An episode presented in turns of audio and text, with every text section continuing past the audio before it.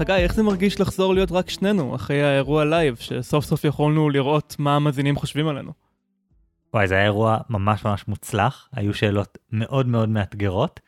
אהבתי במיוחד את הקטע שבו שאלו אותנו שאלה, אני נתתי לך להסביר את כל המודל, ואז גנבתי את התשובה ברגע האחרון. ובכל מקרה, למי שלא ראה, היה לנו כמה ימים לפני שאנחנו מקליטים את הפרק הזה, את אירוע השנה שלנו. הווידאו המלא נמצא בעמוד הפייסבוק שלנו, ואפשר לראות גם את ההרצאה שלנו על הקונספט הזה של אה, חשיבה מרובת מודלים, וגם את האופן שבו ענינו להרבה מאוד שאלות שלכם המאזינים בשידור חי, בלי שיהיה לנו שבוע שלם לקרוא. כן, אנחנו רצנו על איזה 20 מודלים בחצי שעה, אה, שרפנו לעצמנו מלא רעיונות שהיינו יכולים לעשות מהם פרקים שלמים. האמת, אה, אולי עוד נעשה מהם פרקים שלמים, מי יודע. אני, אני בטוח שאף אחד לא יכעס עלינו שאנחנו נותנים הרחבה של חצי שעה למודל שנתנו לו שלוש דקות בלייב. בכל מקרה, בעקבות השידור הראשון של האירוע הזה בפסטיבל אייקון, קיבלנו שאלה ממאזינה שראתה את האירוע הראשון בלייב, והמאזינה שירה שאלה אותנו, לא תמיד יש שבוע כדי ללמוד לפני שעונים על שאלה, וגם אם כן, צריך לדעת איפה להתחיל לחפש. לשם כך, כדאי לקרוא מראש. אחרי שנה של הפודקאסט, האם יש ארגז כלים בסיסי של צורות חשיבה כאלו שהייתם ממליצים להתחיל מהן? אז בעצם היא שואלת, מה הדרך הכי מהירה להיות מוכנה להיות uh, מנחה בפודקאסט אסור להשוות? או באופן כללי, איך לבנות איזשהו בסיס ידע רחב שאפשר יהיה להשתמש בו בהרבה מקרים שונים, בלי הצורך לעשות תחקיר ספציפי מחדש לחלוטין בכל פעם. זו שאלה טובה, כי לא כל כך ברור איך uh, ממשיכים uh, לגלות רעיונות חדשים ולהשכיל שלא בסביבה אקדמית. בזמן התואר אז היה לי אוסף של מומחים שהמליצו לי מה הדבר הבא שאני צריך לקרוא ולהבין. אבל מאז שסיימתי את התואר אני לבד ואני צריך uh, לברור לבד את כל הידע האנושי ולהחליט מה להתמקד. האמת שזה משהו שאני ניסיתי להיערך אליו מראש כי אני עומד לסיים דוקטורט וכשאני אסיים בעצם ייפסק לי uh, זרם המידע המוכוון והסביבה שבה הלמידה היא מאוד מאוד מובנית. ובאמת פניתי לכל מיני אנשים בסביבה ושאלתי אותם איך אנחנו, פסיכולוגים שיצאו לחלוטין מהאקדמיה, יכולים להמשיך ללמוד מה חדש, מה מתעדכן, ולא להפוך לדינוזאורים עתיקים שיודעים על משהו שנחקר לפני 30 שנה ולא מתעדכנים עם הזמן. אבל אני חושב שהשאלה פה היא עוד יותר רחבה, כלומר זה לא רק מה ללמוד, כי הרי אם אתה בתחום דעת ספציפי, לא יודע, פשוט תדע מה הז'ורנלים המובילים של התחום שלך ותחזור אליהם, או תנסה לראות אם משהו מתעדכן בתחום הזה. אבל אנחנו מדברים על משהו עוד יותר בסיסי מזה, זה להיכנס לתחומים שאתה לא מבין בהם, נכון? כן, אני רוצה לדעת בעצם מה ארגז הכלים הבסיסי כדי להבין מה קורה בעולם, להיות uh, אדם משכיל באופן כללי. שירה כמובן היא לא הראשונה שמחפשת איזשהו סט בסיסי של יכולות כדי להיות אדם משכיל, עוד ביוון העתיקה היה להם uh, סט של שלושה נושאים, ושאחריו לומדים סט של ארבעה נושאים. יותר מאוחר קראו לזה הטריוויום והקוואדריוויום, ובעצם כל הזמן אתה לומד טריוויום, שזה דקדוק, לוגיקה ורטוריקה, ואז אתה לומד את הקוואדריוויום, שזה אריתמטיקה, אסטרונומיה, מוזיקה וגיאומטריה. אז יש כאן חלוקה שהיא לא בדיוק כמו החלוקה של הומני וריאלי, אבל זה קצת מזכיר. חשוב להגיד שהחלוקה הזאת היא דבר יחסית חדש. כלומר, פעם היית לומד הכל, ואנשים שהיו מתמטיקאים דגולים גם היו פילוסופים, וההפרדה שאנחנו מכירים היום בין הפקולטות לא הייתה כל כך uh, קיצונית פעם. אז הלכתי ובדקתי uh, מה היה בתרבויות אחרות, וגיליתי שדווקא uh, במקום לא צפוי, בקאמה סוטרה, שזה הספר המפורסם uh, מהודו העתיקה, חוץ מהנושאים היותר מפורסמים שיש שם, יש שם גם רשימה של 64 אומנויות שכל אישה צריכה להכיר כדי להיות uh, אישה מוצלחת ושיכבדו אותה. ויש שם דברים uh, צפויים כמו uh, לבשל ולהתלבש יפה ולעשות מסאז' וגם דברים קצת פחות צפויים כמו שחמט ולדעת uh, לכרוך ספרים ונגרות. ולאחסן מים במאגרי מים? כאילו וואו יש פה דברים ממש מפתיעים. לכתוב שירים, לחקות אנשים אחרים. אז, אז אפשר לומר שיש כאן uh, הרבה פרספקטיבות על הנושא. אישית אני לא בטוח שיש uh, ארגז כלים סופי, או שזה דרך מועילה לחשוב על זה, אבל כן מועיל לחשוב על uh, מאיפה להתחיל, מה לקרוא קודם, וכמובן שתמיד כדאי ורצוי להרחיב את ארגז הכלים הזה.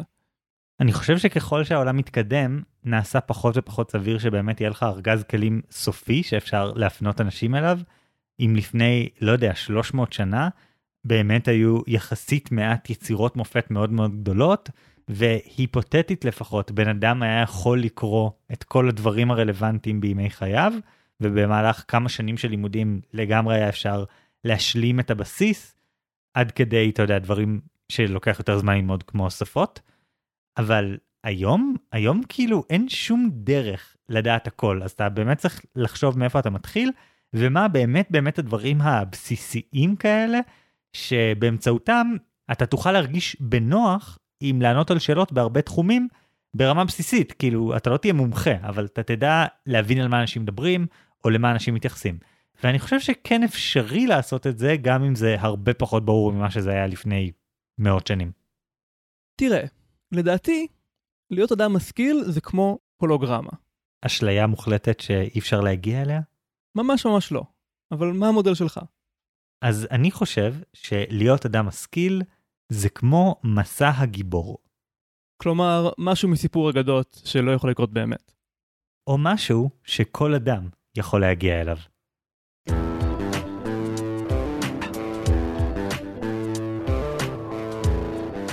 שירה, אני רוצה לספר לך על הרצאה ממש נהדרת של הסופר קורט וונגוט, שחלקים ממנה אפשר למצוא ביוטיוב, שמנו קישור בהערות הפרק.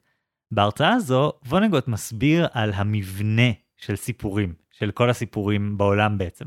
הוא אומר שכל סיפור אפשר לדמיין אותו כמו איזה תנועה על ציר של אה, כמה טוב לגיבור, מרע עד טוב, או משהו כזה. ואז הוא אומר שאפשר לספר ככה כל סיפור.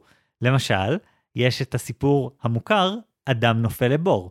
הגיבור מתחיל בנקודה שבה הוא קצת שמח יותר מהנקודת אפס לצורך העניין, קורה לו משהו והוא נעשה עצוב, ואז הכל מסתדר בסוף, כזה יש ירידה ואז עלייה. ווונגוט אומר, אנשים מתים על הסיפור הזה.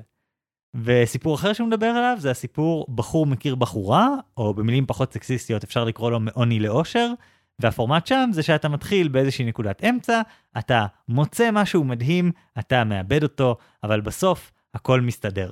והדוגמה הקלאסית פה היא כמובן קומדיות רומנטיות, בחור מכיר בחורה, הם מתאהבים, הולך טוב, משבר נוראי, הכל מסתדר בסוף בשדה התעופה, נכון? אלה סיפורים מאוד בנאליים, אבל האמת היא שאם נסתכל על הרבה מאוד סיפורים וסרטים פופולריים, אנחנו נראה בדיוק את הסיפורים האלה. נניח העונה הראשונה של בית הקלפים, הגיבור מתחיל בעמדת כוח, דופקים אותו, הוא מתנקם ומגיע למעלה. בספיידרמן, פיטר פארקר מקבל כוחות, אז הוא עולה קצת, מגלה שהחיים שלו השתפרו, ואז הוא מאבד את אה, Uncle Ben, ומגלה שעם כוח גדול באה אחריות גדולה, ואז מצליח לנצח את הנבל האקראי שבחרו ל reboot הספציפי הזה, והכל נגמר טוב, נכון? אה, וכל הקומדיות הרומנטיות, כאילו לא חסר. כל הסיפורים האלה שאנחנו נתקלים בהם, בסופו של דבר, באיזשהו אופן הם חוזרים לאיזשהו מבנה נורא בסיסי ונורא נורא מוכר. אז בעצם אם אני רוצה לכתוב סיפורים, אז כל מה שאני צריך להכיר זה את הגרף הזה שמתחיל קצת מעל האפס ואז יורד מלא ואז עולה עוד יותר מלא מקודם, ואז אני יודע לכתוב סיפורים. לא בהכרח, וונגוט עובר על כמה גרפים כאלה, אבל כן, בעיקרון באיזשהו מקום אם אתה מבין את המבנה הבסיסי של סיפורים, שאפשר לדבר על המבנים היותר אה, היתוליים שדיבר עליהם וונגוט, או על מבנה שלושת המערכות, או כל מיני דברים כאלה, בסופו של דבר יש לך איזשהו בסיס שעליו אתה מלביש פרטים. כמובן שרוב העבודה היא בפרטים הקטנים, אבל אתה חייב להכיר את הפרטים הגדולים האלה, את המבנים הגדולים האלה, לפני שאתה מתחיל לבנות סיפור, כי אחרת אתה תנסה להמציא מחדש את הגלגל, וחבל, יש אחלה גלגל שאנחנו יודעים שהוא מתגלגל מושלם. אבל האמת היא שזה לא רק שסופרים משחזרים בכוונה את הסיפורים האלה. יש דפוסים כאלה שאנחנו מגיעים אליהם כזה כאנושות שוב ושוב. דברים שאנחנו מספרים מחדש שוב ושוב, אבל הבדלים רק בפרטים. והרבה מהדברים האלה הם סיפורים שאנחנו מספרים אלפי שנים. עכשיו, הדוגמה הכי מוכרת לזה היא הסיפור הבסיסי שנקרא מסע הגיבור, שזה דפוס סיפורי נקרא לזה, שהוגדר על ידי חוקר הספרות ג'וזף קמבל. הסיפור הבסיסי כולל 17 שלבים שאני לא אכנס לכולם, אבל יש למשל את השלבים של uh, הגיבור נקרא למסע, בדרך כלל הוא מסרב, הוא מקבל סיוע טבעי ו/או סיוע על טבעי, יש התמודדות עם כל מיני מכשולים, ואז בסוף יש איזשהו פרס שמוענק או לגיבור או לחברה שממנה הוא יצא. אז את הסיפור הזה אנחנו יכולים לראות גם בסיפור נורא נורא ישן, יציאת מצרים, הסיפור של משה רבנו. משה רבנו בספר שמות, הוא נקרא להיות המושיע של עם ישראל, שזה הקריאה למסע. בהתחלה הוא מסרב, כי הוא כבד פה וכבד לשון, אבל אז הוא מקבל סיוע טבעי מצד אחד מאחיו אהרון, ומצד שני סיוע על-טבעי מאלוהים, ובסופו של דבר הוא מתגבר על המכשולים ומוציא את בני ישראל ממצרים. אבל את הדבר הזה אנחנו רואים גם בסיפורים יותר חדשים, כמו הדוגמה הכי קלאסית, סטאר וורס. אובי וואן קנובי בא ומציע ללוק סקייווקר להציל את הגלקסיה, לוק מסרב, אבל אז המשפחה שלו נהרגת והוא מוכן לצאת למסע, הוא מתגבר על ספקות פנימיים, ובעזרת המנטורים שלו, אובי וואן קנובי ובהמשך יודה, הוא מצליח להתמודד עם הקיסר, עם אבא שלו וכן הלאה, ומציל את הגלקסיה. טוב, זה לא ממש חוכמה במקרה של סטאר וורס. ג'ורג' לוקאס קרא את הספר של ג'וזף קמפל והוא אמר, אה, זה נשמע לי כמו אחלה מבנה, ואז הוא בנה את סטאר וורס לפי זה. אם uh, קמפל ניסה להגיד שזה איזשהו סיפור אחד גדול שכולם חייבים להשתמש בו, אז זה לא ממש דוגמה הכי נכונה. נכון, ג'ורג' לוקאס עשה את זה בכוונה, אבל העניין הוא שג'וזף קמבל, איך הוא הגיע לזה? הוא קרא עשרות, מאות, לא יודע כמה, מיתוסים, סיפורים מוכרים, והוא אמר שלא בכולם יש את כל 17 השלבים, יכול להיות שאין בכלל סיפור יחיד שמכיל את כל 17 השלבים האלה, כן? אבל בסופו של דבר, אם תסתכל, אתה תראה שהמודל הזה, במלואו, בחלקו, מופיע לאורך ההיסטוריה האנושית בהמון סיפורים יסודיים. זה יכול להיות עם תזהוס, עם בודהה, עם ישו, עם כל מיני גיבורים כאלה שבאיזשהו מקום עושים את המסע הזה. וכמובן שמאז גם אנשים שלא יושבים הספר של ג'וזף קמבל מתחת לכרית, עדיין משתמשים בזה. נתתי את הדוגמה של ספיידרמן, ספיידרמן זה מסע גיבור ממש ממש קלאסי, ושוב, אנחנו רואים אותו בערך פעם במה שמונה שנים מחדש את הסיפור הזה.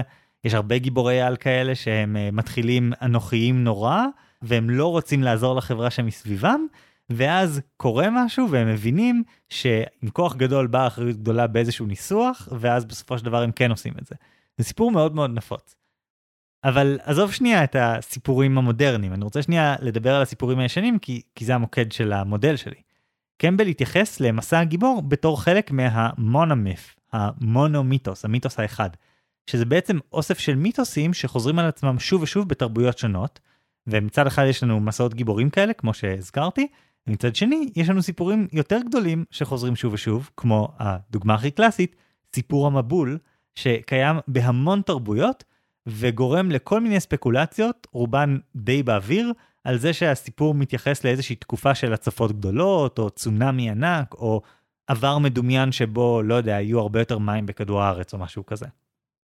טוב, תכף תסביר לנו איך זה קשור לשירה ולשאלה, אבל קודם אני רוצה לוודא שאני מבין אותך. אתה מנסה להגיד שיש רק אה, קבוצה קטנה של סיפורים שעובדים, ושאין טעם לנסות לספר אף סיפור שלא מתאים למבנה הזה?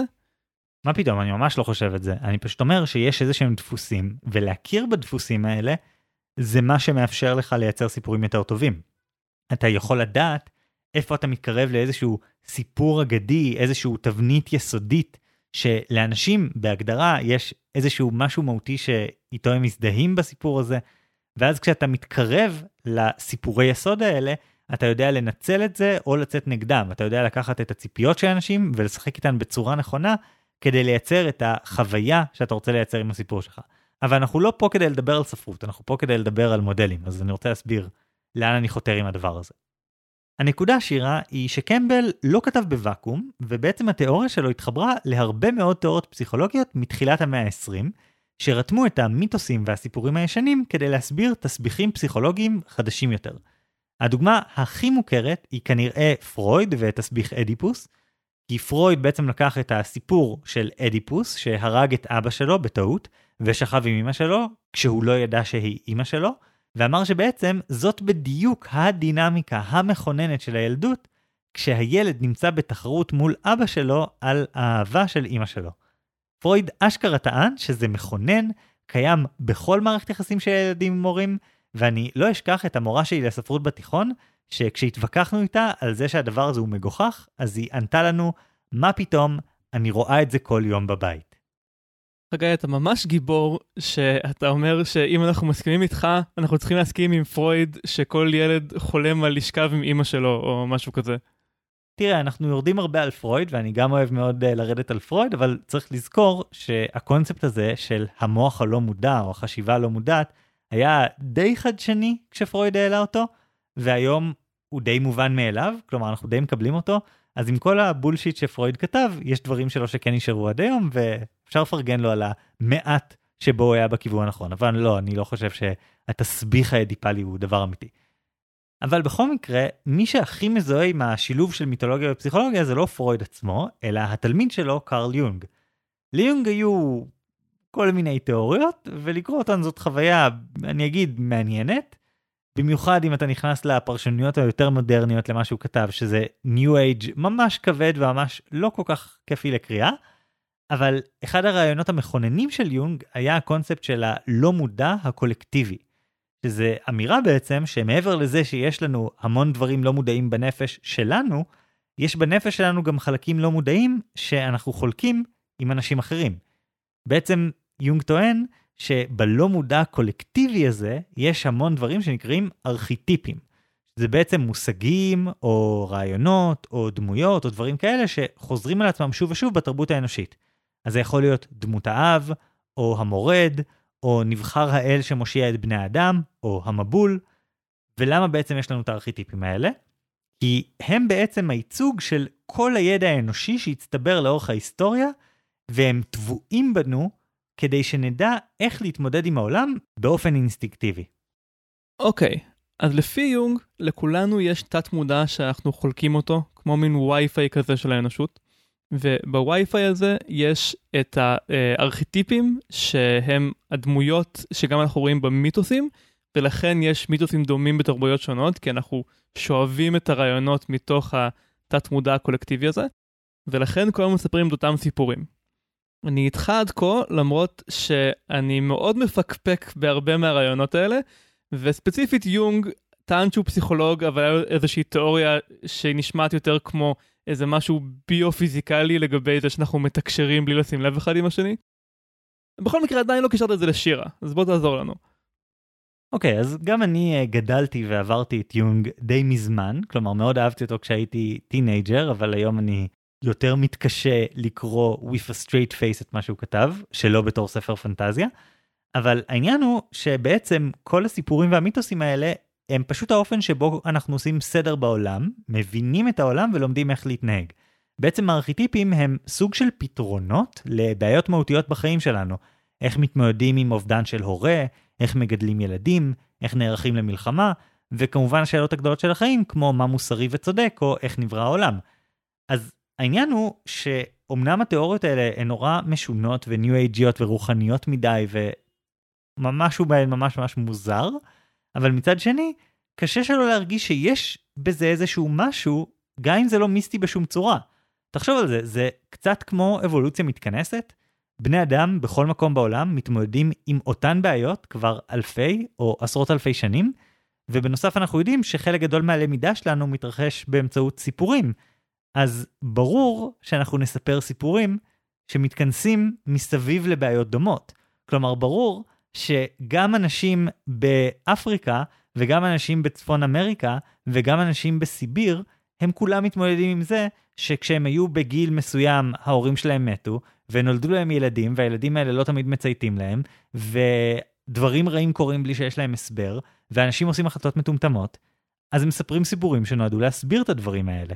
הסיפורים מתכנסים לא בגלל איזה רכיב לא מודע קסום קולקטיבי, הם מתכנסים כי כולנו מתמודדים עם אותה מציאות. וזה העניין, שהבעיות הנפוצות האלה, זה בעצם הפתרון שלי לבעיה של שירה. בעצם יש בעיות נפוצות שבני אדם התמודדו איתן תמיד. מאז שיש בני אדם אנחנו מספרים סיפורים על מה מוסרי ומה לא מוסרי, אנחנו מנסים להסביר למה אנשים רעים הם רעים, אנחנו מנסים להסביר איך העולם עובד, אנחנו מנסים להסביר למה בני אדם טובים מקבלים החלטות גרועות, אנחנו מנסים לספר על איך זה שאנשים עם כוונות טובות מגיעים לתוצאות רעות, בסופו של דבר אנחנו חוזרים לשאלות מהותיות כאלה. כשלמדתי בתואר הראשון קורס יצירות מופת בספרות, המרצה והמתרגלים כל הזמן חזרו לשאלה של מה הופך יצירת מופת ליצירת מופת. התשובה הקלה לזה היא, אנשים קוראים את היצירה הזאת מאות או אלפי שנים אחרי שהיא נכתבה, ולכן היא נחשבת יצירת מופת. אבל אז השאלה היא למה אנחנו עדיין קוראים את היצירות האלה, ואחד המרצים שלי נתן את התשובה שיצירות מופת הן יצירות שעוסקות בדברים המהותיים האלה. שרלוונטי כיום לקרוא את התופת של דנטה, כי יש שם אמירות על טוב ורע, שעדיין יש מה לעשות איתן היום. שמדיה של אוריפידס עדיין מעביר איזשהו משהו מהותי על כעס וזעם ונקמה, שמאוד רלוונטי לקחת את זה איתך לחיים גם היום. אני חייב להגיד שזה רף די נמוך, גם סטאר וורס מתעסק בטוב וברע, כאילו קל להתעסק בטוב וברע גם בלי להיות ספר טוב. נכון, וחלק מהיצירות האלה כשאתה קורא אותן אתה מרגיש שיש בהן משהו לא טוב, אבל אתה יודע שהן יחזיקו מעמד, בגלל שגם כשהביצוע לא תמיד טוב, העיסוק בסוגיה המהותית הוא כן טוב. כלומר, זה עדיין נותן תשובה לאיזושהי בעיה שיש לנו בחיים. ובסוף העצה שלי לשירה היא לחפש את הדברים האלה. למצוא את השאלות המהותיות שבני אדם שואלים את עצמם כבר אלפי שנים, ואז המודלים הבסיסיים שאת צריכה להחזיק בהם, אלה המודלים שנותנים תשובות לשאלות הגדולות האלה. וכמובן עדיף מודלים עדכניים מעכשיו, ולא משהו מלפני אלפיים שנה, למרות שזה יכול ממש להועיל אם את מוצאת מקור מודרני שגם נותן מודל עדכני וגם סוקר מודלים מיושנים יותר. אז מה למשל? אז נתתי כמה דוגמאות, אבל אני אגיד שוב, אה, מוסר, מאוד כדאי לקרוא פילוסופים של המוסר, או חוקרי מוסר בפסיכולוגיה, כמו ג'ונתן הייט. מאוד כדאי ללמוד פיזיקה בסיסית, כדי להבין קצת על איך העולם עובד, שזה אומר, לא יודע, ניוטון וקוונטים ויחסות ודברים כאלה מהותיים. תורשה לעומת סביבה זאת שאלה מאוד מאוד נפוצה, כלומר, איך טבע האדם מתעצב, האם אנחנו נולדים כמו שאנחנו נולדים, או שאנחנו מעוצבים על ידי הסביבה שלנו. ואז אתה יכול ללמוד שם על גנטיקה ואבולוציה, אבל גם על פסיכולוגיה התפתחותית. אתה יכול לשאול את עצמך למה אנשים מקבלים החלטות גרועות, ואז לקרוא את לחשוב מהר לחשוב לאט של דניאל קהנמן, אבל גם לקרוא דברים כמו קרל פופר שהזכרנו פה בפודקאסט, שבעצם מלמד אותנו איך בני אדם מחליטים מה נכון ומה לא. ויש כמובן את התחום של איך בונים חברה טובה יותר, שזה יכול להיות מקיאוולי, וזה יכול להיות uh, הספר של פרנסיס פוקויאמה שהזכרנו פה בפודקאסט, uh, The Origins of Political Order, ואפשר גם להבין דברים כמו כלכלה, כדי להבין איך חברות כלכליות נוצרות. יש כאלה דברים שגם אם תחזור אלפיים שנה אחורה, אנשים יתעסקו בהם, אולי התשובות שלהם היו פחות טובות, אבל הם יתעסקו בהן כבר אז. אני אגיד לך מה הבעיה שלי עם העצה שאתה נותן כאן. אתה אומר למצוא את השאלות המוטיות שאנחנו שואלים את עצמנו כבר אלפי שנים, ולחפש מודלים שנותנים תשובות. יש לי בעיה עם הרעיון הזה של לקבל תשובה. הרי אם אנחנו מתעסקים בזה מאז שיש בני אדם, אז אולי אין באמת תשובה אחת. אולי זו לא דרך הנכונה לחשוב על הבעיות האלה.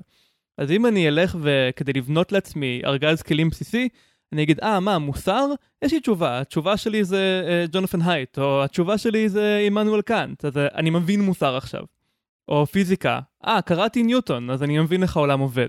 זה לא דרך מועילה באמת אה, לתפוס את ההגות האנושית, נקרא לזה.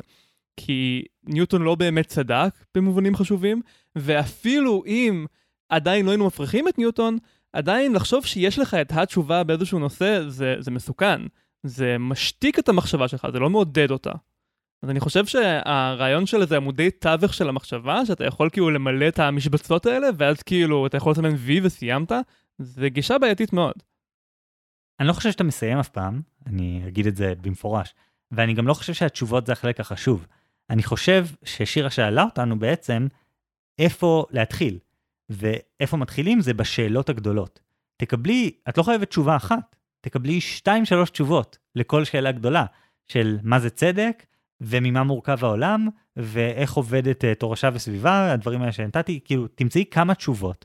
תלכי לספר אחד של ג'וזף הנריך שמסביר על איך אנחנו חיה שלומדת למידה תרבותית, שזה מושג uh, שונה מאוד מלמידה חברתית רגילה, ומצד שני את יכולה ללמוד גם אבולוציה קלאסית, וללמוד שם על איך בעצם uh, הרבה דברים הם התנהגויות תבואות שיש לנו בגלל סביבות שהתפתחנו בהן. את יכולה ללכת לכל מיני דברים כאלה. את יכולה ללכת לכלכלה כדי להבין אה, הסברים כלכליים לאיך חברות גדולות נוצרות, אבל את יכולה ללכת גם לסוציולוגיה כדי להבין את הצורך האנושי בלהשתייך. יש תשובות שונות, התשובות זה לא החלק החשוב. אני אומר שהשלב להתחיל ממנו זה השאלות הגדולות. התשובות זה תוצר לוואי כמעט. הקטע הוא שאת רוצה שתהיה לך דעה, או עדיף, מספר דעות, על כל אחת מהשאלות הגדולות האלה. אני יכול להצביע על איזשהו מאפיין משותף כל ההוגים שדיברת עליהם, הם כולם גברים, והם כמעט כולם מקבוצות כוח באוכלוסייה. ו- ואני לא חושב שזה במקרה. אני חושב שהגישה שלך, יש בה משהו, אה, נקרא לזה פטרנליסטי, כי אתה בעצם אומר, בוא נלך ונראה מי ההוגים הגדולים שנתנו את התשובות הגדולות לנושאים. שזו דרך שהרבה אנשים חשבו, והדרך שבה באמת ההשכלה עובדת בהרבה מקרים עד היום. אבל uh, כשאתה הולך ומחפש את uh, המקורות סמכות, מה שאתה מוצא זה את האנשים שהיו בעמדות כוח לאורך ההיסטוריה. ואתה מוצא את הרעיונות ששירתו את אותן קבוצות חזקות. כי בעצם, אולי לא שמת לב לזה, אבל אתה ננעל על פרספקטיבה שהיא מלמעלה. בגלל שאתה מאמין שיש איזה שהן תשובות uh, חשובות במיוחד לנושאים מסוימים, אז אתה באופן טבעי נמשך לאנשים שהיו בעמדה לקבע את עצמם בתור סמכות. ואני חושב שזה משאיר אותך עם תחום עיוור ממש גדול, מלא ממה שאנשים חשבו והרגישו וידעו לאורך ההיסטוריה, שאתה פשוט לא שם לב, אבל זה לא שם.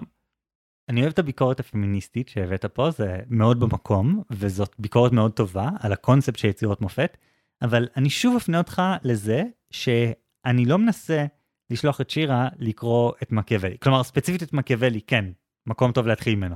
אבל אני לא אומר לשירה, תחזרי אחורה ותקראי רק את האנשים שהתקבעו כיצירות מופת. מה שג'וזף קמבל עשה בפרויקט שלו, זה בעצם להסתכל על כל סיפור הסיפורים האנושי לאורך אלפי שנים, ולהגיד, הנה סיפורים שחזרו. העניין הוא שאני מרגיש שהתוצר של זה הוא שאתה יכול לזהות עיבודים מודרניים של הסיפורים האלה, ולהגיד, וואו, זה כל כך הרבה יותר טוב מהמקור עבורי כיום. כלומר, עבורי כיום, לקרוא את האיליאדה או את האודיסאה, זאת חוויה שיכולה להיות נחמדה או פחות נחמדה, תלוי בתרגום וכל מיני דברים כאלה. אבל לקרוא סיפור שהוא האודיסאה המודרנית, או משהו כזה, כלומר הגרסה המודרנית של זה, המיתוס של ימינו, זה יהיה יותר מועיל, כי זה יתכתב יותר טוב עם מה שאני רואה מסביבי כיום. אז באותה מידה אני חושב שזה טוב להסתכל על ההיסטוריה כדי להבין מה השאלות שהעסיקו אנשים. כי אני חושב שהשאלות הן בהגדרה אוניברסליות. לשאול מה נכון ומה מוסרי, או לשאול למה אנשים מקבלים החלטות לא טובות, שזאת עובדת חיים, אלה שאלות בסיסיות. תמצאי את השאלות הבסיסיות האלה, ואז תמצאי משהו, כלשהו מודרני, שייתן לך איזושהי תשובה, או איזה שהן תשובות מרובות, איזושהי דרך חדשה להסתכל על השאלות האלה.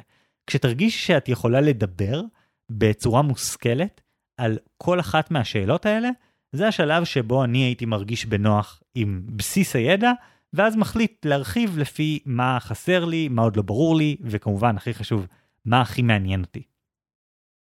חגי, הבעיה שלך זה שאתה יודע מראש על איזה שאלות אתה רוצה לענות. וברגע שהגדרת לעצמך את השאלה, אתה בהגדרה לא יכול לראות את אה, כל העושר שיש לעולם להציע. אני מבין שאתה מדבר על אה, להינעל בתוך הסתכלות מתוך מודל אחד, אז אני מנחש שהגיע הזמן לעבור למודל השני להיום.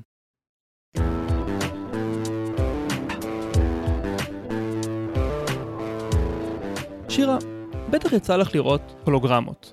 תמונות כאלה שאפשר להסתכל עליהן בזוויות שונות וממש זזות כאילו יש שם איזה חפץ תלת-ממדי מעבר למשטח.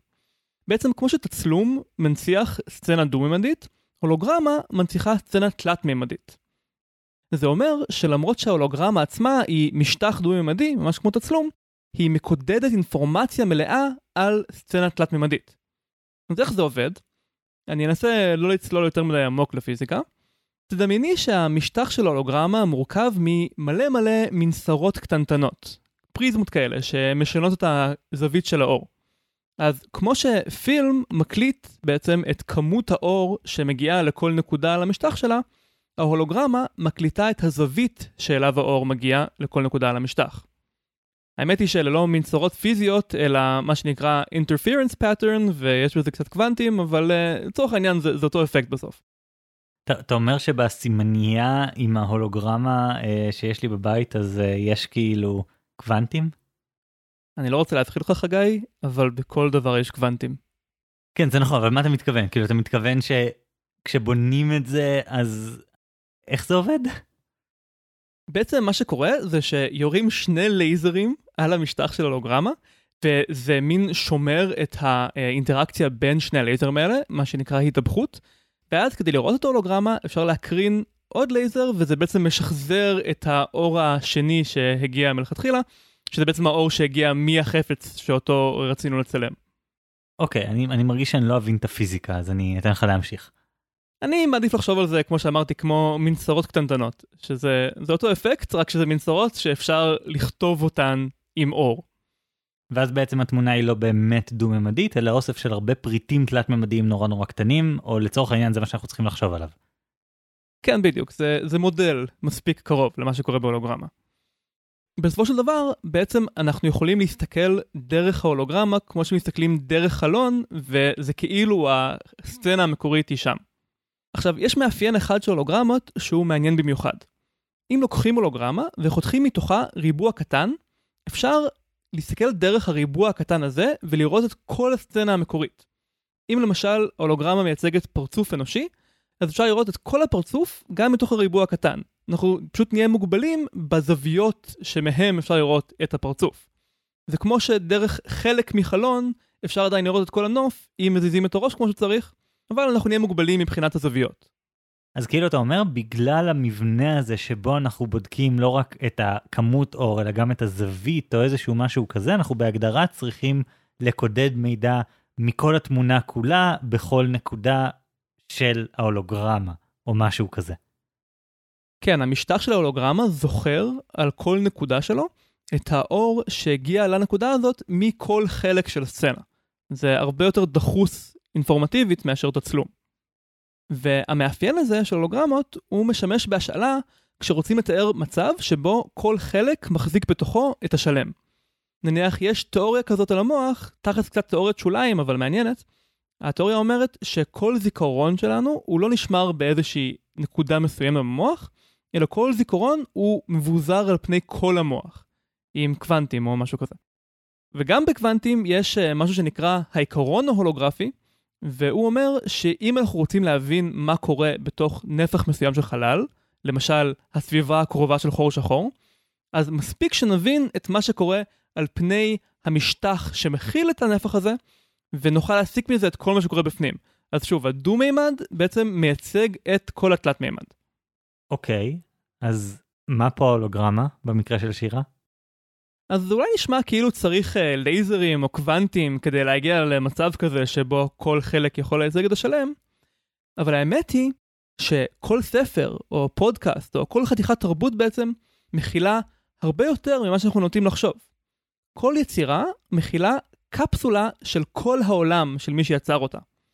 איזה מין דברים הוא הכיר, מה הוא החשיב מובן מאליו, מה הוא החשיב מוזר, עולם הערכים שלו, ועוד מלא דברים. בעצם, אם נחשוב על ההגות האנושית בתור uh, הולוגרמה גדולה, אז כל יצירה שאנחנו נחשפים אליה היא כמו ריבוע קטנטן שנחתך מתוך ההולוגרמה הזאת. מעניין, זה מתחבר דווקא לתיאוריה שאני דיברתי עליה קודם, שבתיאוריה היונגיאנית יש פרשנים, אני לא יודע אם זה כך במקור, אבל באחד הספרים שאני קראתי על זה, ממש מדברים על זה שבאיזשהו מקום, הלא מודע הקולקטיבי בעצם עובד בצורה כזו שכל אדם מכיל בתוכו את כל המין האנושי, או משהו מוזר כזה. כן, זה מצחיק, אני חושב ששנינו אה, הגענו לאותם אה, רעיונות כאלה, ניו אייג'ים, על, אה, על איך עובד המוח, אה, נקודות פתיחה די שונות, אבל אני חושב שהגענו למסקנות שונות. כי מה שאני מנסה להגיד, זה שאין צורך לקרוא את הספרים הנכונים, או ספרים בנושאים מסוימים. מה שצריך הוא לקרוא הרבה ספרים ושהם יהיו שונים אחד מהשני. בעצם, אם יש כלי מספיק חשוב בארגז כלים ההיפותטי הזה ששירה דיברה עליו, אז בסופו של דבר אנחנו ניחשף אליו. כי אם יש רעיון שהוא מספיק חשוב במחשבה האנושית, אנחנו נראה אותו ממלא זוויות. ממש כמו אם נחשוב על הולוגרמה של פרצוף, אז יהיה ממש קל למצוא את האף. לא משנה איזה חלק קטן של הולוגרמה אנחנו מחזיקים. אולי הריבוע הקטן שיש לנו לא ממש מאפשר לנו לראות את האוזן הימנית, אבל את האף קשה לפספס. אם זה מספיק מרכזי, אז אנחנו נקבל את זה באיזשהו אופן. ו- ובהשאלה, כל ספר או כל יצירה נותנת לנו עוד זווית הסתכלות על הכלל. וככל שאנחנו נחשפים ליותר פרספקטיבות, אנחנו מבינים יותר ויותר טוב את הכלל. זה כמו המשל המוכר מהודו העתיקה, על העיוורים והפיל. בסיפור אומרים שהיה אוסף של אנשים עיוורים, שהם שמעו שיש מין חיה מוזרה כזאת שקוראים לה פיל, אבל אף אחד לא ידע עליה כלום. אז הם אמרו, אנחנו נלך ונמשש את הפיל, ואז אה, נגלה מה מאפיין את החיה הזאת. אז העיוור הראשון במקרה אה, נגע בחדק, והוא אמר, אה, זה כמו נחש עבה. עיוור אחר במקרה נגע באוזן, והוא אמר, אה, זה סוג של מניפה ענקית. והשלישי נגע ברגל והוא אמר, אה, הפיל הוא דומה מאוד לעץ שיכול לזוז. אבל אם כל אחד מהעיוורים היה מגוון את המבט שלו, אם הוא היה נוגע בכל מיני חלקים של הפיל, אז למרות שהוא אולי עדיין נוגע רק במיעוט מאוד קטן מבין כל הנקודות שיש על גבי הפיל, הוא היה יכול לפתח הבנה יותר ויותר שלמה של מה הדבר הזה שהוא מנסה להבין. אני מאוד אוהב את המודל הזה באיזשהו מקום, כי אני מאוד מתחבר לאמירה הזו, שכל יצירה מכילה בתוכה את כל הנחות היסוד של מי שכתב אותה. כלומר, אם אתה חוזר לספר או סרט מלפני 60 שנה, אתה לא רק תקבל את הספר ואת העלילה שלו ודברים כאלה, אתה תקבל את תפיסת העולם, נורמות חברתיות מהתקופה, ועוד אלף ואחד דברים כאלה, שבזמן אמת יכול להיות שאף אחד לא שם לב שהם מייצגים את התקופה, אבל בטח כשאתה תזוז קדימה, אתה תזהה אה, מאוד מאוד חזק שהם מייצגים איזושהי תקופה. ובאופן כללי אני יודע שיש תחומים שבהם נורא נורא נורא חשוב להבין את ההקשר שבו נכתבו למשל טקסטים של פילוסופיה פוליטית, כי אחרת אתה לא באמת תבין אותם. אתה לא יכול להבין את הטקסט בלי להבין את הסביבה שלו. אז מהבחינה הזאת, אני מבין, זה נכון שבכל טקסט מקודד הרבה יותר ממה שהטקסט הזה מתכוון לפנות אליו, אבל יש פה איזשהו עניין שאתה נכנס פה לאיזשהו סיכון. אתה בעצם נמצא במצב שאם במקרה לקחת ספרים שיש ביניהם איזשהו מכנה משותף, למשל כולם נכתבו בתחילת המאה ה-20, אז הם הולכים להשמיט הרבה מהעולם שלא נכנס בתפיסת העולם שהייתה מקובלת בזמן שבו כתבו אותם. אז בעצם אם שירה תקשיב לך, היא קצת תהיה תלויה במזל, כי היא תצטרך להגיע במזל למצב שבו הספרים שהיא מוצאת במקרה נוגעים בכל הסוגיות החשובות. זה בדיוק העניין. ניקח למשל אה, את אחד הנושאים שהזכרת, מוסר. אז אני לא חושב שצריך לקרוא ספר על מוסר כדי לספוג רעיונות מרכזיים על מוסר. מוסר זה נושא כל כך חשוב, שקשה לכתוב ספר שלא נוגע בו באיזושהי צורה. אז רק צריך לדעת לקרוא ולשים לב. הייתי אפילו אומר שספר שנוגע במוסר בעקיפין הוא אמיתי יותר במובן מסוים מאשר ספר שבכוונה שם את זה בתור הנושא העיקרי שלו. כי הנגיעות העקיפות משקפות את תפיסת העולם המובלעת של היוצר ושל מי שכותבים עליו, במקום הנגיעות הישירות שהן בעצם תפיסת עולם מוצהרת, שאולי היא פחות אותנטית. למשל, כל ספר על מדע הוא גם ספר על אתיקה מדעית. אפשר לראות מה המדענים בחרו לבדוק, או מתי הם הרגישו שראוי לפרסם בממצאים שלהם, וכולי. כל ביוגרפיה היא גם ספר על איך אנשים מקבלים החלטות, ואיך אנשים טובים עושים דברים רעים, ודברים אחרים שהזכרת. אם הצלחת לקרוא מלא ספרים שהם טובים ומגוונים, או לשמוע מלא פודקאסטים שהם טובים ומגוונים, לדבר עם מלא אנשים שהם חכמים ומגוונים, ואיכשהו עדיין לא הצלחת להיחשף לאיזשהו רעיון שהוא לשיטתך אבן פינה של התרבות, אז בתכלס זו לא באמת אבן פינה של התרבות, כי עובדה שאפשר להגיע מאוד רחוק בלעדיה. אני אגיד לך כמו מה זה באמת. זה כמו בסיס פורס באלגברה לינארית. שזה משהו שקשה להסביר בלי לעשות ככה עם היד. אוקיי, אני אגרום למאזינים לעשות ככה עם היד. אז מאזינים יקרים, תרימו בבקשה את יד ימין שלכם, תעשו ממנה אגרוף. תוציאו את האגודל. עכשיו, תוציאו את האצבע המורה ככה שהיא ב-90 מעלות לאגודל. ועכשיו תוציאו את האצבע האמצעית ככה שהיא ב-90 מעלות לשניהם. יש? אוקיי. זה מה שנקרא בסיס פורס למרחב התלת-ממדי. מה זה אומר? זה אומר שעם שלושת האצבעות האלה אפשר לתאר כל נקודה במרחב התלת-ממדי. בעצם על כל נקודה במרחב אפשר להגיד שזה מרחק x בכיוון של האגודל, מרחק y בכיוון של אצבע המורה, ומרחק z בכיוון של האצבע האמצעית. זה עובד כל עוד האצבעות מונחות זו לזו. אוקיי, אתם יכולים להוריד את היד. עכשיו, מה שלא חשוב זה הכיוון הספציפי שממנו התחלתם, הכיוון שבחרתם להוציא את האגודל. אפשר לבנות בסיס פורס כזה בכל זווית וזה עדיין יעבוד. כל שלישייה כזאת שתיצרו, אפשר לתאר כל נקודה במרחב על ידי צירוף של שלושת האצבעות. אז ככה עם ספרים. העצה שלי אלייך, שירה, זה שכל פעם תחפשי ספר, או פודקאסט, או אופרה, או מה שלא יהיה, שהוא מומלץ, וגם מאוד שונה ממה שאת כבר מכירה. שזה כמו להיות ב-90 מעלות באלגברה לינארית. ואז בזמן שאת קוראת, תנסי לשים לב לאיך שהיצירה הזו תופסת את העולם.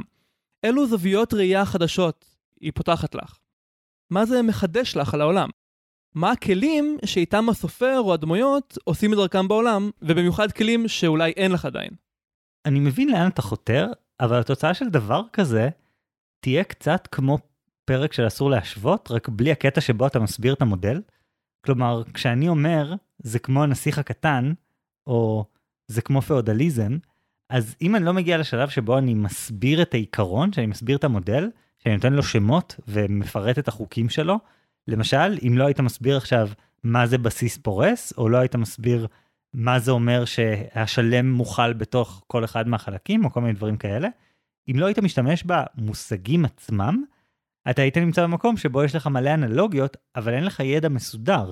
אני חושב שנורא נורא חשוב לאסוף את הידע בצורה מקודדת ומוגדרת, ולא רק כתוצר לוואי, כי אחרת יהיו לך הרבה מחשבות על סוגיות מהותיות בעולם, אבל מעט מאוד ידע מקודד, מעט מאוד ידע שמגובה במחקרים ובממצאים אמפיריים. אולי אם ניקח את המודל שלי, זה יעזור לך למפות את השאלות מאוד מאוד טוב, אבל אני חושב שלמרות שאנחנו יודעים שאין דבר כזה תשובה חד משמעית וסופית לבעיות שמטרידות את המין האנושי כבר עשרות אלפי שנים, אבל יש תשובות, גם אם הן לא מלאות. ההצעה שלך לדעתי לא משאירה את שירה עם תשובות, רק עם מה השאלות הגדולות. כן, יש בזה משהו. אני חושב שזה מודל שהוא קצת יותר מאתגר בשביל אה, מי שמנסה לאמץ אותו, כי זה דורש באמת אה, כל הזמן לחפש את הדבר הבא שחסר לך.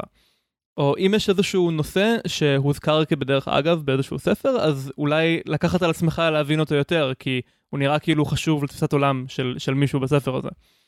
אני חושב שעם הזמן גם ככה נחשף בסוף לרעיונות מרכזיים, כמו שאתה הזכרת במודל שלך, אבל אני חושב שזו גישה יותר בריאה מבחינת למלא את כל המרחבים הגדולים שבין הנקודות עניין הגדולות האלה.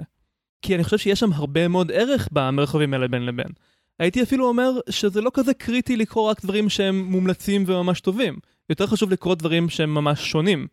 הרי כמו שאמרתי בעבר, תמיד אפשר לפשוט על ספר כמו ויקינג, להוציא ממנו רק את uh, מה שמעניין.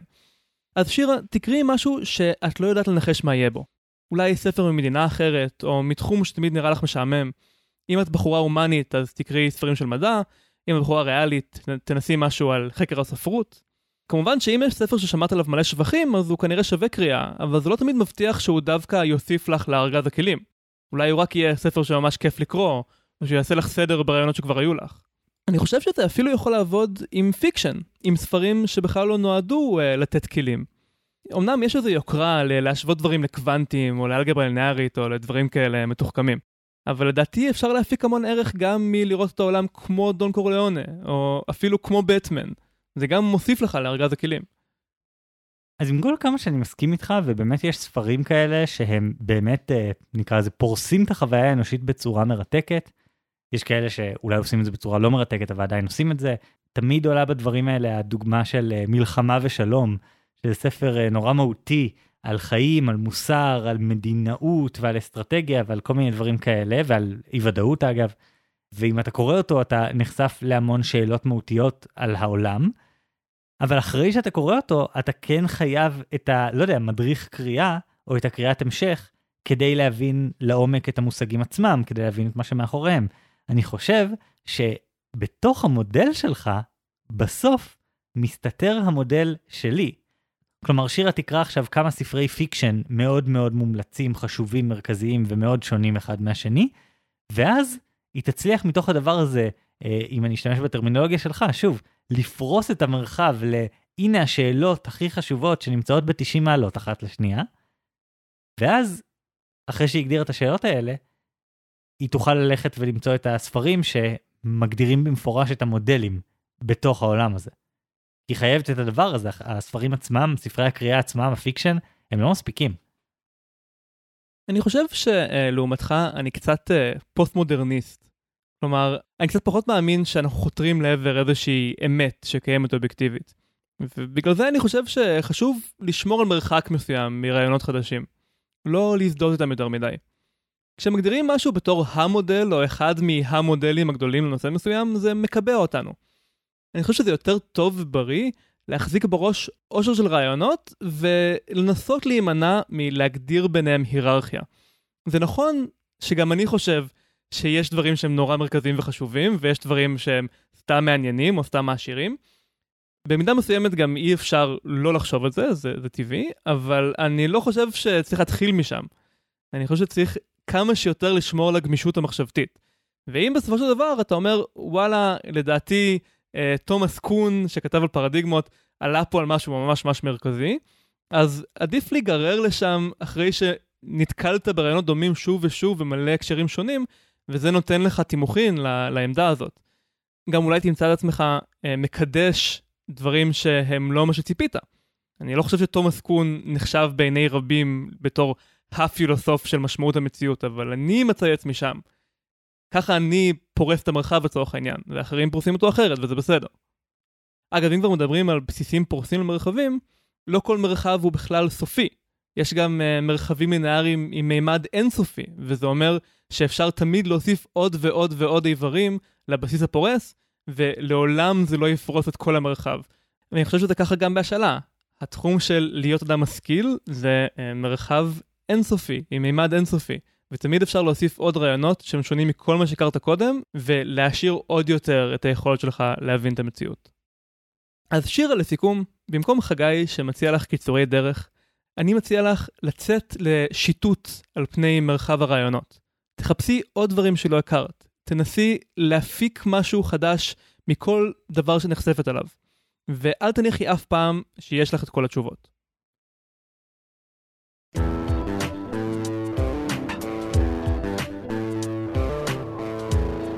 אורן, אני אנסה בשפה שלך לפרוס את המרחב של שני המודלים שלנו. אני חושב שעיקר ההבדל בינינו זה שאני נתתי לשירה עצה על איפה למצוא את המודלים הכי חשובים, המודלים שהכי יעזרו לה להבין את העולם, ומה האלגוריתם בחירה, ואתה בעצם אמרת שזו לא השאלה הנכונה. השאלה הנכונה היא איפה מוצאים נקודות מבט שונות, ושמה שחשוב זה נקודות המבט. אני מגדיר נכון? כן, נכון. שירה שאלה אותנו אם יש ארגז כלים בסיסי של צורות חשיבה, ובגדול אתה אמרת שכן, ואני אמרתי שלא. או ליתר דיוק, אני אמרתי שאין ארגז כלים אחד, אלא יש הרבה מאוד ארגזי כלים שיכולים לעשות את זה, ושהיא צריכה למצוא אחד מהם, ולא את האחד.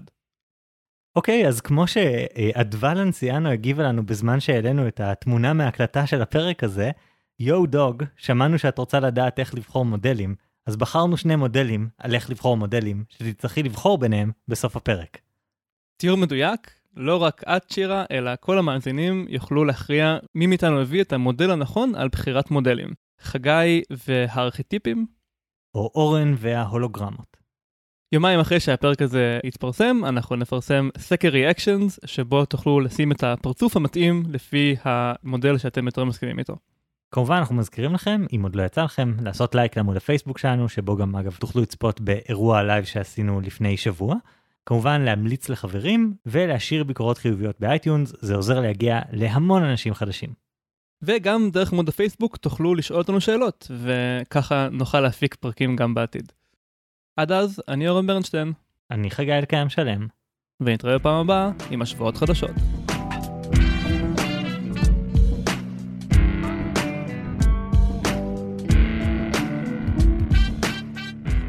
אז אורן, אחרי הרבה זמן, חזרת לנצח בסקרים. נכון, אה, בפרק האחרון אה, שאלו אותנו איך להתמודד עם תסמונת המתחזה, ו-53% מהמצביעים הסכימו איתי שצריך להתמודד עם תסמונת המתחזה כמו מכונה לומדת, אה, שזה אומר לפרק את הבעיה להתנהגויות קטנות שאפשר לקבל משוב תדיר על ידי למצוא מנטור. ו-47% מכם הסכימו איתי שהדרך להתמודד עם תסמונת המתחזה היא לא להתמקד רק בכל סיפורי ההצלחה מסביב, אלא למצוא דווקא את סיפורי הכישלון מסביב ולהבין שכולם אנשים רגילים לחלוטין. שזה כמו שכדי לדעת איפה לשריין מטוס קרב אתה צריך להבין איפה ההגנה על מטוסים נכשלת ולא איפה היא מצליחה. וכמו תמיד התפתח דיון ממש מרתק בתגובות. אני רוצה להזכיר במיוחד את מאיה שסיפרה לנו שהיא עובדת בסטארט-אפ שבעצם בימים אלו משיק צ'טבוט חינמי שנותן תמיכה למתמודדים ומתמודדות עם תסמונת המתחזה. והיא ממש שמה לינק לצ'טבוט uh, בתגובות, uh, נשים את זה גם בהערות הפרק. כן, זו הזדמנות לאמן את הצ'טבוט הזה ולעזור לצ'טבוט, לעזור לאנשים אחרים להתמודד עם התסמונת הזאת, אז אנחנו מאוד ממליצים, ותודה מאיה על ההפניה. אה, בואו נסתכל על עוד כמה תגובות. אה, יש את התגובה של יונתן הובר, שכתב, אני באמת מאמין שהרבה מהתופעות האלה, כמו סינדרום המתחזה, הן יציאה משליטה של מנגנון טבעי, חוש הביקורת העצמית, ואפשר בהחלט לאמן את עצמך אחרת. אני מסכים, ואני הייתי הולך יותר רחוק, והייתי אומר שאי אפשר בכלל לעשות כלום בלי כל הזמן משוב על מה שאתה עושה. אז בגלל זה אנחנו כל הזמן מנסים לעשות משהו, לקבל משוב, לעשות משהו, לקבל משוב, ובמקרים שבהם המנגנון הזה לא עובד, אנחנו מרגישים מועקה מאוד גדולה, ומה שניסיתי להגיד בפרק, זה שהמועקה באמת נובעת מצורך אמיתי שלא לא, לא מקבל מענה. זה כמעט כמו רעב, אנחנו צריכים את זה. נכון מאוד, ועדיין אני חושב שבלי אינדיקציה אמיתית על נקודת הכישלון של אנשים אחרים, אנחנו נמשיך לחדד יותר מדי את אה, מנגנון הביקורת העצמית עד שהוא יפגע בנו בחזרה. תגובה הבאה מרונן, שכתב לנו, התזה של חגי גרמה לי לחשוב על כמה קשה לי לעבוד מהבית, עכשיו בקורונה. כי כשעבדתי במשרד, אז נחשפתי הרבה יותר בצורה יומיומית ובלתי אמצעית לכישלונות הקטנים של אנשים סביבי. לא כ fuckup night שמציג למה כל מה שהם עשו בחצי שנה הוא כישלון, אלא כקיטורים קטנים על דברים קטנים שמראים ששום דבר חלק והכל יותר קשה מאיך שהוא נראה. ולמרות זאת הצבעתי לאורן הפעם. אני לא אהבתי את המשפט האחרון בתגובה הזאת, למרות זאת הצבעתי לאורן הפעם. אתה יודע שאני צודק, אז למה לא, לא לתמוך בי? אבל כן, אני מסכים, כאילו, בתקופה הזאת, כשכל האינטראקציה שלנו הפכה להיות דיגיטלית, זה בדיוק מעצים את זה שאנחנו עוד יותר, עוד יותר מקודם, נשמע רק על ההצלחות של אנשים ולא על הכישלונות שלהם. כן, היו לי ימים שעבדתי מהבית והרגשתי כאילו לא התקדמתי בכלל במשימות שלי, וזה התחושה הכי מבאסת בעולם, כי בעצם אנשים אחרים רואים ממני רק את התוצרים של העבודה.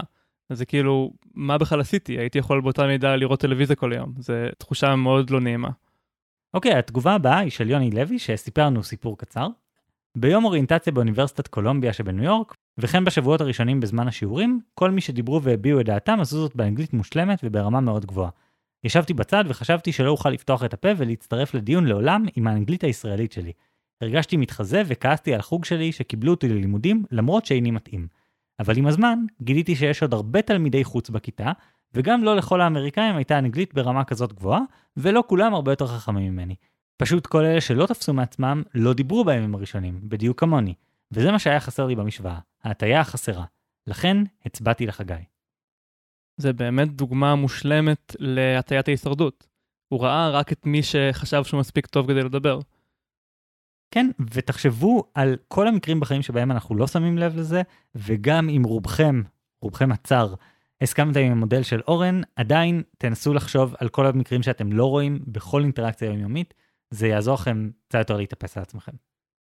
ונקריא עוד תגובה אחרונה להפעם משחר גת, הוא כתב העניין בתסמונת המתחזה הוא שאנחנו לא יודעים איך דברים אמורים להרגיש, וגם כשאנחנו כבר חשים אותם, אנחנו תוהים האם זה זה. זה כמו האם אני מאוהב. זה קשור לזה שכולנו חווינו את העולם רק מבעד המשקפיים של עצמנו. לכן, אולי הדרך לגשת לבעיה הזו קשורה יותר ליכולת האמפתית. להבין כיצד אנשים אחרים חווים חוויה דומה לשלי, ובהמשך לכך, לראות גם את הקשיים שלהם. לכן הצבעתי לחגי. תודה שחר, אני ממש אוהב את התובנה הזאת. אנחנו לא יודעים איך הצלחה אמורה להרגיש. זה ממש תובנה חשובה, אפילו אני לא חשבתי עליה עם המודל שלי, למרות שהוא מצביע לשם, אז זאת מחשבה ממש טובה. על זה שאנחנו באמת לא יודעים איך מרגישה חוויה שעוד לא חווינו, באמת uh, כיוון ממש טוב. כן, אני יכול להגיד על עצמי שהיו לי מערכות יחסים רומנטיות, שבהם תהיתי האם אני מאוהב, אבל בסופו של דבר, כשזה היה זה, זה היה זה, ולא היו לי ספקות. אבל לא הייתה לי חוויה דומה בעבודה. היו לי תקופות שלא כך הצלחתי ולא ידעתי האם אני מוצלח, ואז כשהתקדמתי, אז לא היה איזה רגע שבו הרגשתי, אהה, זה זה, זה כמו להתאהב, עכשיו אני יודע מה אני עושה. אני לא חושב שזה הולך להגיע גם בעתיד. נכון, זאת המגבלה המהותית שאנחנו מתמודדים איתה, וזה מלבה מאוד את uh, תסמונת המתחזה. בכל מקרה תודה לכל מי שהגיב, גם מי שלא הספקנו uh, להקריא את התגובה שלו. העמוד של הפודקאסט הוא מקור בלתי נדלה לדיונים ממש מרתקים, ומומלץ לכולם להצטרף. ועכשיו uh, נמשיך לספרים שקראנו הפעם. Uh, חגי, תתחיל. אוקיי, אז כמה דברים. קודם כל, הזכרתי את ההרצאה של קורט וונגוט על מבנים של סיפורים. אני חושב שהיא מעולה, אני ממש ממליץ לראות אותה. זה, זה לא הרצאה שלמה, זה, זה קטע של 4 דקות מתוך הרצאה, שהוא ממש טוב. אבל אני רוצה שנייה לדבר על המודל הגדול שהתייחסתי אליו ועל מה קראתי בהקשר שלו. אז קודם כל יש את הספר של ג'וזף קמבל, הגיבור בעל אלף הפנים, ומבחינת יונג, את הקריאה העיקרית שלי על יונג עשיתי ממש מזמן, התרעננתי רק אה, לקראת הפרק הזה, בספר יונג, מדריך לפסיכולוגיה היונגיאנית של רובין רוברטסון. עכשיו למה אני מזכיר את שניהם ולא נכנס לכל אחד? כי אני חושב ששניהם סובלים מאותה חוויה קצת מאתגרת של הכל נורא נורא ניו אייג'י. הכל מדבר על מה אמורה להיות נפשנו האמיתית בדרך לאינדיבידואציה מלאה של העצמי. כאילו כל מיני uh, מושגים מפוצצים כאלה, ואני מרגיש שזה קצת uh, מבאס באיזשהו מקום, כי זה מודל נורא מעניין, אבל במידה רבה הייתי מעדיף ללמוד עליו ממישהו שלא קונה אותו לחלוטין, אלא פשוט מספר לי על המודל, ולא מספר לי על המודל מתוך המודל. אה, אבל זה עדיין ספר נורא מרתק, ובאיזשהו מקום, פסיכולוגיה יונגיאנית באופן כללי זה דבר שהוא קצת מרגיש כמו לקרוא ספר פנטזיה, אז זה ממש, אה, ממש מעניין לקרוא על זה. יונג באמת מילולית האמין שיש לנו תקשורת טלפתית עם הדבר הזה שהוא קרא לו יותר מודע קולקטיבי, או שזה אנלוגיה? אני באמת לא יודע. אה, אני כן יודע שהרבה מהתיאוריה שלו התפתחה במהלך איזושהי התמוטטות עצבים של מספר שנים שהוא חווה, שרק לפני איזה עשר שנים נחשפו היומנים שהוא כתב בתקופה הזאת. זה נקרא The Red Book, שזה בעצם ספר של היומנים שלו, שלאחרונה כאמור אשכרה יצא לאור, והוא פשוט מלא בהזיות שיש לו. ג'יבריש מוחלט, מישהו הוציא את זה עם פירושים, ועל בסיס זה הוא בנה את התיאוריה שלו, אז כאילו אני מנחש שהוא האמין בזה, והוא באמת טיפל לפי זה, אבל uh, זה באמת מרגיש כמו סיפור פנטזיה יותר מהכל. האמת היא שאף פעם לא קראתי את הפסיכולוגים שפעם נחשבו דגולים והיום די צוחקים עליהם, פרויד ויונג וכל האסכולה הזאת. עכשיו אני תוהה אם אולי כדאי בכל זאת. זה פשוט נשמע לי כמו קריאה קצת מאתגרת, כי צריך כל הזמן לפלטר את האבסורד מהלא אבסורד, אבל אה, אולי זה עבודה ששווה לעשות.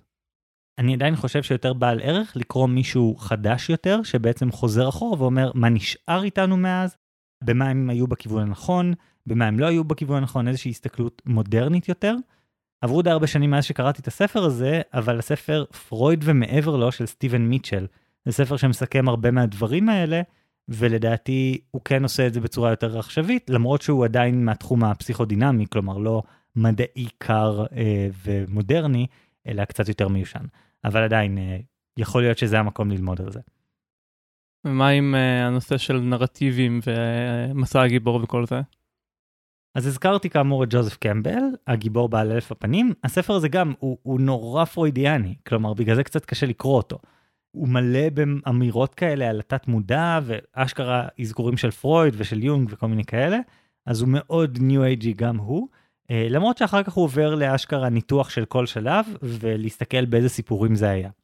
אה, אני חושב שאם זה מה שאתם מחפשים, יש ספר יותר חדש, מנראה לי 2005, The Seven Basic Plots של כריסטופר בוקר, שזה ספר עצום, שעושה בעצם את מסע הגיבור, אבל פורס את זה לחתיכות יותר קטנות, לסיפורים יותר ספציפיים, כמו הגיבור שנלחם במפלצת, אה, סיפורי אה, מעני לעשיר, או כל מיני סיפורים ארכיטיפיים כאלה, ולא רק מסע הגיבור הקלאסי. והספר הזה הוא עצום, אבל הוא מכיל בתוכו פירוק של הרבה אה, מה שנקרא טרופס, מאפיינים ספרותיים נורא נורא נפוצים. אז נראה לי שאם אתם רוצים להיכנס לתחום הזה, אז אולי דווקא להתחיל מהספר הזה של כריסטופר בוקר, ולא מג'וזף קמבל המקורי. הרעיונות האלה של ג'וזף קמבל זה דברים שנחשפתי אליהם באוסמוזה תרבותית, אף פעם לא ממש קראתי לזה ספציפית, ובמיוחד מהמיתוס שסביב היצירה של Star Wars, שזה כזה סרט מכונן ב pop culture המודרני, שסביב ההפקה שלו נכרכו מלא מיתוסים, ואחד מהם זה על איך שג'ורג' לוקאס הסתמך על ג'וזף קמבל בעצם. כן, אני ממש חושב שמסע הגיבור הפך לדבר שמדברים עליו הרבה, ואגב גם מקללים אותו הרבה, אני רואה הרבה ניתוחים של סרטים שהם כזה די די נמאס ממסע הגיבור עוד פעם. אה, למרות שזה מצחיק להגיד את המשפט הזה. אנחנו literally מספרים אותו 4,000, 5,000 שנה, לא יודע, משהו כזה, אז זה מצחיק להגיד נמאס מזה. אבל לפני שנעבור לחלק שלך, אני כן אציע מקורות מאוד פנטסטיים לקרוא על יישום של הרעיונות האלה של אה, ג'וזף קמבל וקרל יונג בעצם, בעצם ספרי פנטזיה שלקחו את הרעיונות האלה ובנו מיתולוגיה שלמה מסביבם. אז אחד, יש את סדרת הקומיקס Sandman של ניל גיימן, שהיא ממש עוסקת בדיוק בדברים האלה, בסיפורים, ובמה התפקיד של סיפורים בחיים שלנו וכן הלאה, וזה פשוט קומיקס מצוין. אגב, הוא יצא לאחרונה ב audiobook, כלומר בהקראה דרמטית של כל הבערך שליש הראשון של הקומיקס, זה ממש טוב, אז אני ממש ממליץ. אה, זה דבר אחד. והדבר השני, זה ספר הפנטזיה המודרנית, הזדמנות אחרונה, מאת טים פאוורס, שזה ספר על אנשים שבעצם מסתובבים בעולם הזה שבו יש ארכיטיפים, ואחד מנסה להיות האיש חסר המזל, או השוטה, או המלך הדייג, או כל מיני ארכיטיפים כאלה. אה, והוא פשוט לקח את הקונספטים האלה ובנה מסביבם עולם פנטזיה ממש מרתק. אה, זה ספר ממש ממש נחמד, משלב פוקר, משלב ארכיטיפים, ממש כיף לקרוא. אני לא קראתי אף אחד מהשניים, אבל קראתי יצירות אחרות גם של ניל גיימן וגם של טים פאוורס, ואני יכול להעיד ששניהם יודעים לכתוב, אז uh, מצטרף להמלצה. אוקיי, okay, זה מה שאני קראתי. אורן, בוא ספר לנו מה אתה קראת. אז אני לא הולך לספר לכם מה קראתי ספציפית עבור הפרק, כי זה תכלס לא דברים שאני ממליץ עליהם וחבל על הזמן. במקום זה, אני הולך לתת לכם דברים קשורים שיעשירו אתכם עם הנושאים ששמעתם בפרק מעניינים אתכם. אז לגבי הולוגרמות, אני אמליץ לכם על ערוץ יוטיוב בשם Technology Connections. זה uh, בחור חמוד ומאוד מאוד חנוני, שמספר על איך עובדות כל מיני טכנולוגיות יותר ופחות מוכרות. ספציפית על הולוגרמות הוא לא עשה עדיין פרק, אולי אני אבקש ממנו, uh, אבל יש לו מלא סרטונים מעניינים בנושאים אחרים. למשל, יש לו סרטון של 20 דקות על מה זה חום. אם פעם תהיתם למה אין חום בקשת בענן, אז uh, מומלץ בחום. הוא מסביר למה בהרבה מאווררים חשמליים, אז uh, ליד האפס יש את העוצמה הכי חזקה, ולא הכי חלשה. ועוד הרבה מאוד נושאים. אני מצא עצמי רואה uh, סדרת סרטונים של שעתיים על טכנולוגיה שדי מתה ברגע שהיא נולדה, שבו היו שמים וידאו על תקליט, כמו של פטיפון. ממש מגניב. למה סיפרת לי על זה? אני ממש מפחד עכשיו על הזמן שלי, כי זה נשמע כמו ערוץ כזה, כמו להיכנס לטיווי טרופס, ואז אתה לא יוצא לעולם, נשמע לי שאתה נכנס לערוץ כזה, ואתה יוצא אחרי כמה שעות, כזה, אני יודע בדיוק איך מכשירי וידאו עתיקים עבדו. איזה יום היום? כן, אני עכשיו מוצא לעצמי כועס שהפסיקו לייצר איזשהו טוסטר בשנות ה-50, אני בכלל לא אוכל טוסט בדרך כלל. ולגבי אלגברה לינארית, אז אני לא אספר לכם איפה ללמוד את זה, אני למדתי את זה בתואר הראשון, אני אמליץ לכם על ספר בשם סודות ההצפנה של סיימון סינג. זה ספר שבעצם סוקר את כל התחום של הצפנה, מהצפנים הכי אה, עתיקים שיוליוס קיסר השתמש בהם, ועד לחידושים הכי אחרונים, למרות שהספר כבר, כבר בן 20, אז אני מניח שהוא טיפה מיושן, על כל הצפנים שמשתמשים בהם באינטרנט. זה ספר ממש קריא, ממש כיפי. אני קראתי אותו בתיכון, אז הוא לא דורש המון רקע. Um, ושם גיליתי על ה-64 אמנויות שהקמה סוטרה ממליצה לאנשים ללמוד. כי בעצם אחת מה-64 היא הצפנה. Uh, בעצם בקמה סוטרה כתוב שכל אישה צריכה לדעת לתקשר עם נשים אחרות בלי שהמשרתים או הגברים יוכלו לקרוא. אני מבין שנשים היו חלק מרכזי מתעשיית הריגול בהודו העתיקה? אני חושב שזה יותר שיש נושאים שעדיף שגברים לא יעסיקו את, את עצמם בהם כי הם לא מבינים מה מדובר. או משהו שוביניסטי אחר בכיוון. טוב, uh, עתיק בכל זאת. אז כל החלק הראשון של הספר הוא כל מיני סיפורים כאלה uh, על העת העתיקה, על uh, שליחים שהיו מגלחים להם את הראש ואז עושים קעקוע של המסר ואז נותנים לשיער לצמוח כדי שאף אחד לא יוכל למצוא את החתיכת נייר או פפירוס עם המסר כי זה בעצם מוסתר על הגוף של השליח. ובחלק השני יש קצת יותר פרטים טכניים למי שאוהב ואפילו טיפ על מתמטיקה אבל זה אף פעם לא מאבד את הקלילות הזאת. אז זה מומלץ בחום, גם uh, תורגם לעברית. אוקיי, okay, והאם יש לך המלצה קונקרטית לספר שהיית מתחיל ממנו, ספר שהוא לא ספר עיון, או כן ספר עיון אבל לא על uh, מודל בצורה ישירה, שלדבריך פורס את המרחב בצורה מאוד מועילה, שהוא מקום טוב להתחיל ממנו? הזכרת את קורט פונגוט, אז באחד הספרים שלו יש דמות שאומרת שבספר האחים קרמזוב של דוסטויבסקי יש את כל מה שבן אדם צריך לדעת על, על העולם. אבל בימינו זה כבר לא מספיק. אז את האחים קרמזוב לא קראתי, אבל אני אמליץ על ספר אחר שהוא בעצם רומן, על הספר Tinker Taylor Soldier Spy של ג'ון נקרה. זה ספר על מרגלים, אבל הנושא של הריגול הוא, הוא נקרא פתיחה בשביל כאילו לדון בטבע האדם, ובסודות, בנאמנות, וביחסים בין המינים, ובקשר שלך למקום העבודה שלך. בקיצור, הוא נותן לך הרבה מאוד על מה לחשוב. זהו גם ספר ראשון בטרילוגיה למי שרוצה עוד יותר להעמיק. לך יש ספר כזה? וואו, יש לי כמה. כלומר, מתוך תפיסת העולם שלי, הספר נראה לי הכי משמעותי, זה בעצם סדרת הספרים של רוברט קרו, אה, הראשון בעצם ביוגרפיה על אה, מתכנן הערים רוברט מוזס, וארבעה כרכים שהוא כתב על אה, הנשיא האמריקאי לינדון ג'ונסון, שזה בעצם הדבר הכי טוב שנכתב אי פעם על כוח פוליטי, אבל גם על מעמדות פוליטיים, תכנון עירוני, מאבקים אזרחיים, שכנוע, זיופי בחירות, כלכלה, כאילו יש שם כל כך הרבה דברים שנשזרים ביחד, והסופר עושה עבודה כל כך טובה בלתת לך הקשר לכל משפט שהוא אומר, שאתה יוצא עם המון המון תובנות. אז אה, זה ממש טוב. אבל אם להישאר בתחום ה fiction, אז אני יכול להמליץ על אחד הספרים האהובים עליי אי פעם, שזה 100 שנות בדידות של גבריאל גרסיה מרקס, שזה ספר שאולי הוא לא עוסק בפיזיקה או בדברים כאלה, אבל הוא עוסק ברגשות ובמוסר ובבדידות ובחוסר אונים ובכוח יש שם כל כך הרבה שאלות מעניינות, שבאמת יש בו איזשהו משהו שנוגע עמוק באמת בחוויה האנושית, ובאמת עשיתי לעצמי עכשיו ממש חשק לחזור ולקרוא אותו שוב. כמובן שאלה רק נקודות פתיחה. מתחילים לפרוס את המרחב, ומשם צריך אה, להמשיך ולחקור. אוקיי, אז אה, נראה לי שעד כאן להפעם. כן, אה, אני אורן ברנשטיין. אני חגי אלקיים שלם. ביי.